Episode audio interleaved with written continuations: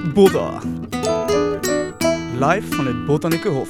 Vandaag ging ik langs bij Cedric van Cherrypicker om wat meer uitleg te vragen over zijn hosting en wat Turbo is en of hij wel tips en tricks heeft.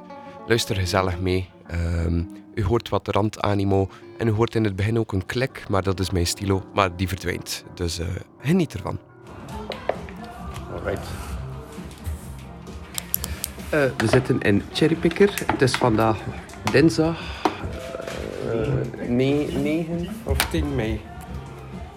Nee, eh 10. Het is 10. 10 mei. Eh, en het is ongeveer iets na de middag.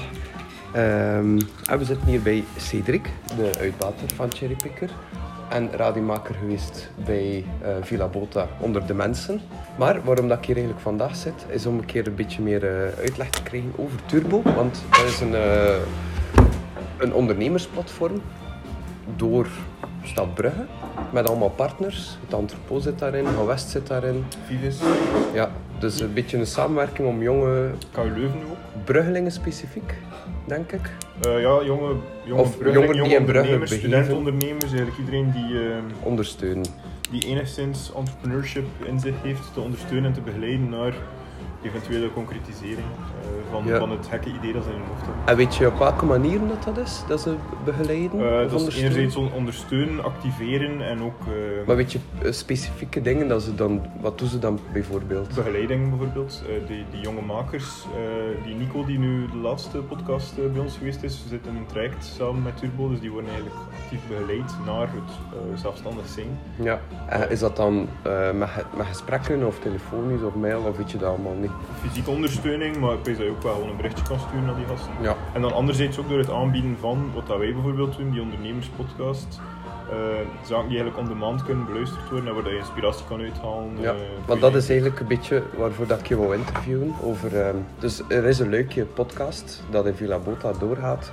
Of soms een keer op locatie. Ja, Ehm, hoe zijn ze eigenlijk bij jou terechtgekomen?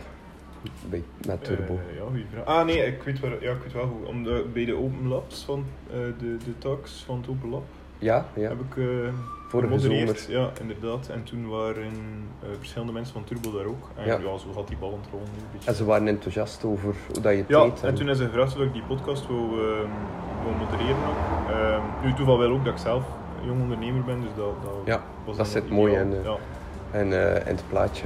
Ehm, en daarvoor deed je ook, had je ook een podcast uh, van een Eh, Cherry klopt, ja, en zo, eh, ja, klopt. En eigenlijk zelf eh, nog, maar we moeten daar nog eh, ja, meer info, info daarover later. later, ja. Eh, Altijd later, later. maar in principe, in principe nog. Maar ja, het, is, eh, het komt er niet van voorlopig. ja. Ehm, Maar dat wil zeggen dat het wel goed draait eigenlijk. Dat je druk bezig bent hier. ja, En- dat wel. Ja, ja, maar en, en zelfs zodanig dat, dat die, allee, die podcast ehm, eigenlijk meer iets is omdat, omdat het leuk is om te doen. Ja. Omdat allee, elke keer als dat ik buiten kom, het is nog zelden gebeurd dat ik er buiten kom en er bijvoorbeeld niks opgestoken heb. Dus het is, het is altijd wel een heel andere visie van ondernemen dat je meekrijgt.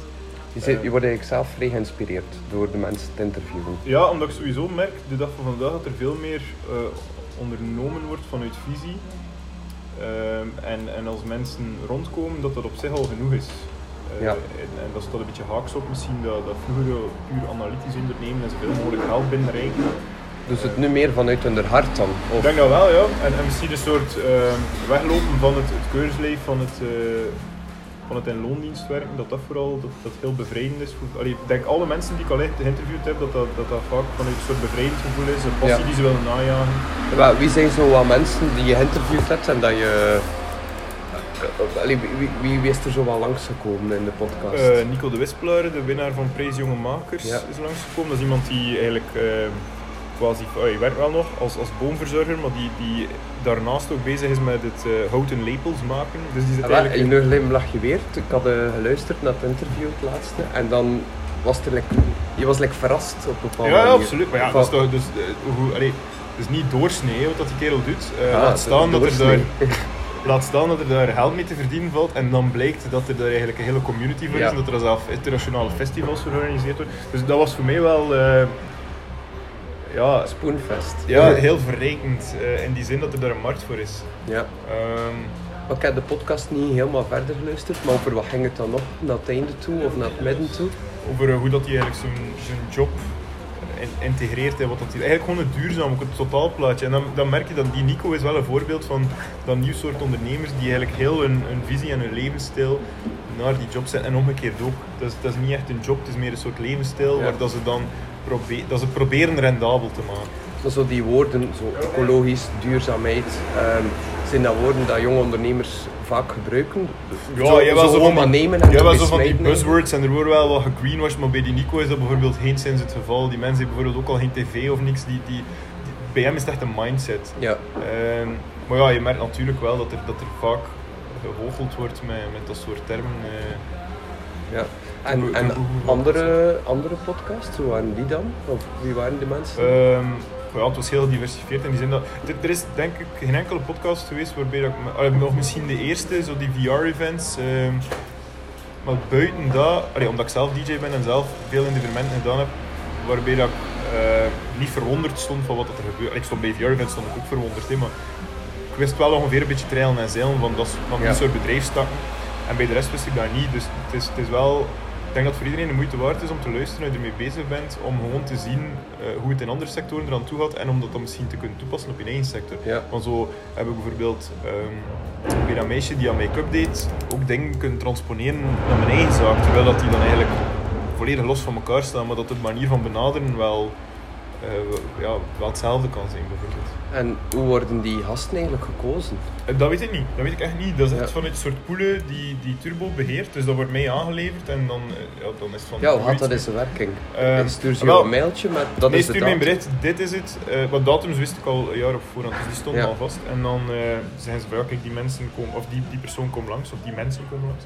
En lees je je dan ook in? Als je die persoon, Een beetje, maar niet te veel ook. Omdat ik denk, zoals die, die aflevering van, van Nico, of ja, dat is denk ik ook waarom dat ze mij ergens gevraagd hebben. eh, ik zou nooit zo oprecht verwonderd kunnen zijn, of nooit oprecht zo'n vragen kunnen stellen, moest ik het al allemaal weten. Ja. Dan ja. krijg je gewoon een, een droog en een sec interview. Als host moet je een beetje een onwetende persoon zijn. Of toch Maar nee, je moet, je moet ergens wel de structuur van je gesprek in gedachten hebben, maar ik ga, ik ga nooit drie, vier uur op voorhand, allee, drie, vier uur lang die, die mensen zijn levensgeschiedenis gaan uitdiepen, omdat ik dan nooit meer met hetzelfde enthousiasme die vragen kan stellen. En ehm, je zegt structuur eh, van, een, van een gesprek. Ehm, al, als er nu bijvoorbeeld jonge radiomakers zitten te luisteren, of mensen die dat ook graag zouden willen doen, wat zou je een kunnen geven van tips? ehm, waar dat ze zeker op moeten letten als ze iemand interviewen? Toch zeker als het ja, naar een half uur, een uur of zelfs twee uur neigt. Goh, eh, niet doen dan. Zo, dat zou ik voorstellen. Voor te beginnen, van, van kort. twee, drie uur zou ik niet doen. Ja. Eh, ook omdat dat, dat, allee, dat zo voor mij als, in, als concentratiegolf is dat ook al zou dat niet mogelijk zijn. Eh, of dan moet je met meer zijn bijvoorbeeld. Dat zou Ja. wel met een pen Ah, dan een keer op de korte. Maar als ja, een uur of drie kwartier bijvoorbeeld, eh, ik zou in de eerste plaats zijn, doe alleen interviews die je interesseren. Ja. Het zal vlotter verlopen. Maar dat hangt er een beetje vanaf. Je hebt mensen die heel goed voorbereid willen zijn voor een interview en die dat, die dat dan ook mooi afwerken. Eh, ik ben tegenovergesteld, ik wil een beetje ingelezen zijn, maar voor de rest wil ik vooral verwonderd zijn. Eh, maar dat lukt natuurlijk ook alleen maar met mensen die, die een boeiend verhaal kunnen vertellen of die mij kunnen boeien. Dat zou bijvoorbeeld minder interessant zijn, denk ik, mocht ik daar zitten met een, een, eh, ja, iemand die, die CFO is bij een financial bedrijf of zo. Dat, dat, dat zou Ja. minder boeiend zit en niet echt een verhaal achter. Maar zijn er zo trucjes dat je toepast? Want soms, allee, stel je voor, het gesprek neigt te stoppen. Allee, Ja, je maar je altijd dat, een vraag of twee, drie hebt die, die, die polyvalent inzetbaar zijn. Hè. maar Dus- hoe luister je en op, eh, bedenk je ondertussen vragen? Maar ja, die vragen heb ik op voorhand wel. Ik, Ja. ik maak dat altijd zo een stuk of twee, drie. Zo, als je aan het draaien bent en je hebt een extra dek over, leg je altijd een plaatje klaar dat je weet, Voor ik ga niet draaien, case. maar stel dat ik Ja. naar de wc moet of zo, kan ik die opleggen. Ja. Of dat er iets fout loopt. Dus een goede voorbereiding is toch wel een beetje belangrijk. Eh, ja, tot, tot op zekere hoogte wel, denk ik. Ik denk dat je wel, dat je wel zeker twee, drie vragen eh, bij de hand moet hebben die, die je moet kunnen, eh, op elk moment van het gesprek kunnen droppen. ja. Eh, en dan maak ik dat ik altijd heb. Eh, En dan verder, ja, je moet maken dat je wat structuur... Je gaat niet in het begin vragen en, en hoe, allee, hoe, hoe zie je je bedrijf nu nog verder groeien? Ja, nee, dat is iets dat je bewaart op het einde als uitsmeten. Ik probeer als structuur altijd zo het, eh, eerst die, allee, in die Turbo-podcast die, de visie te zoeken in het begin.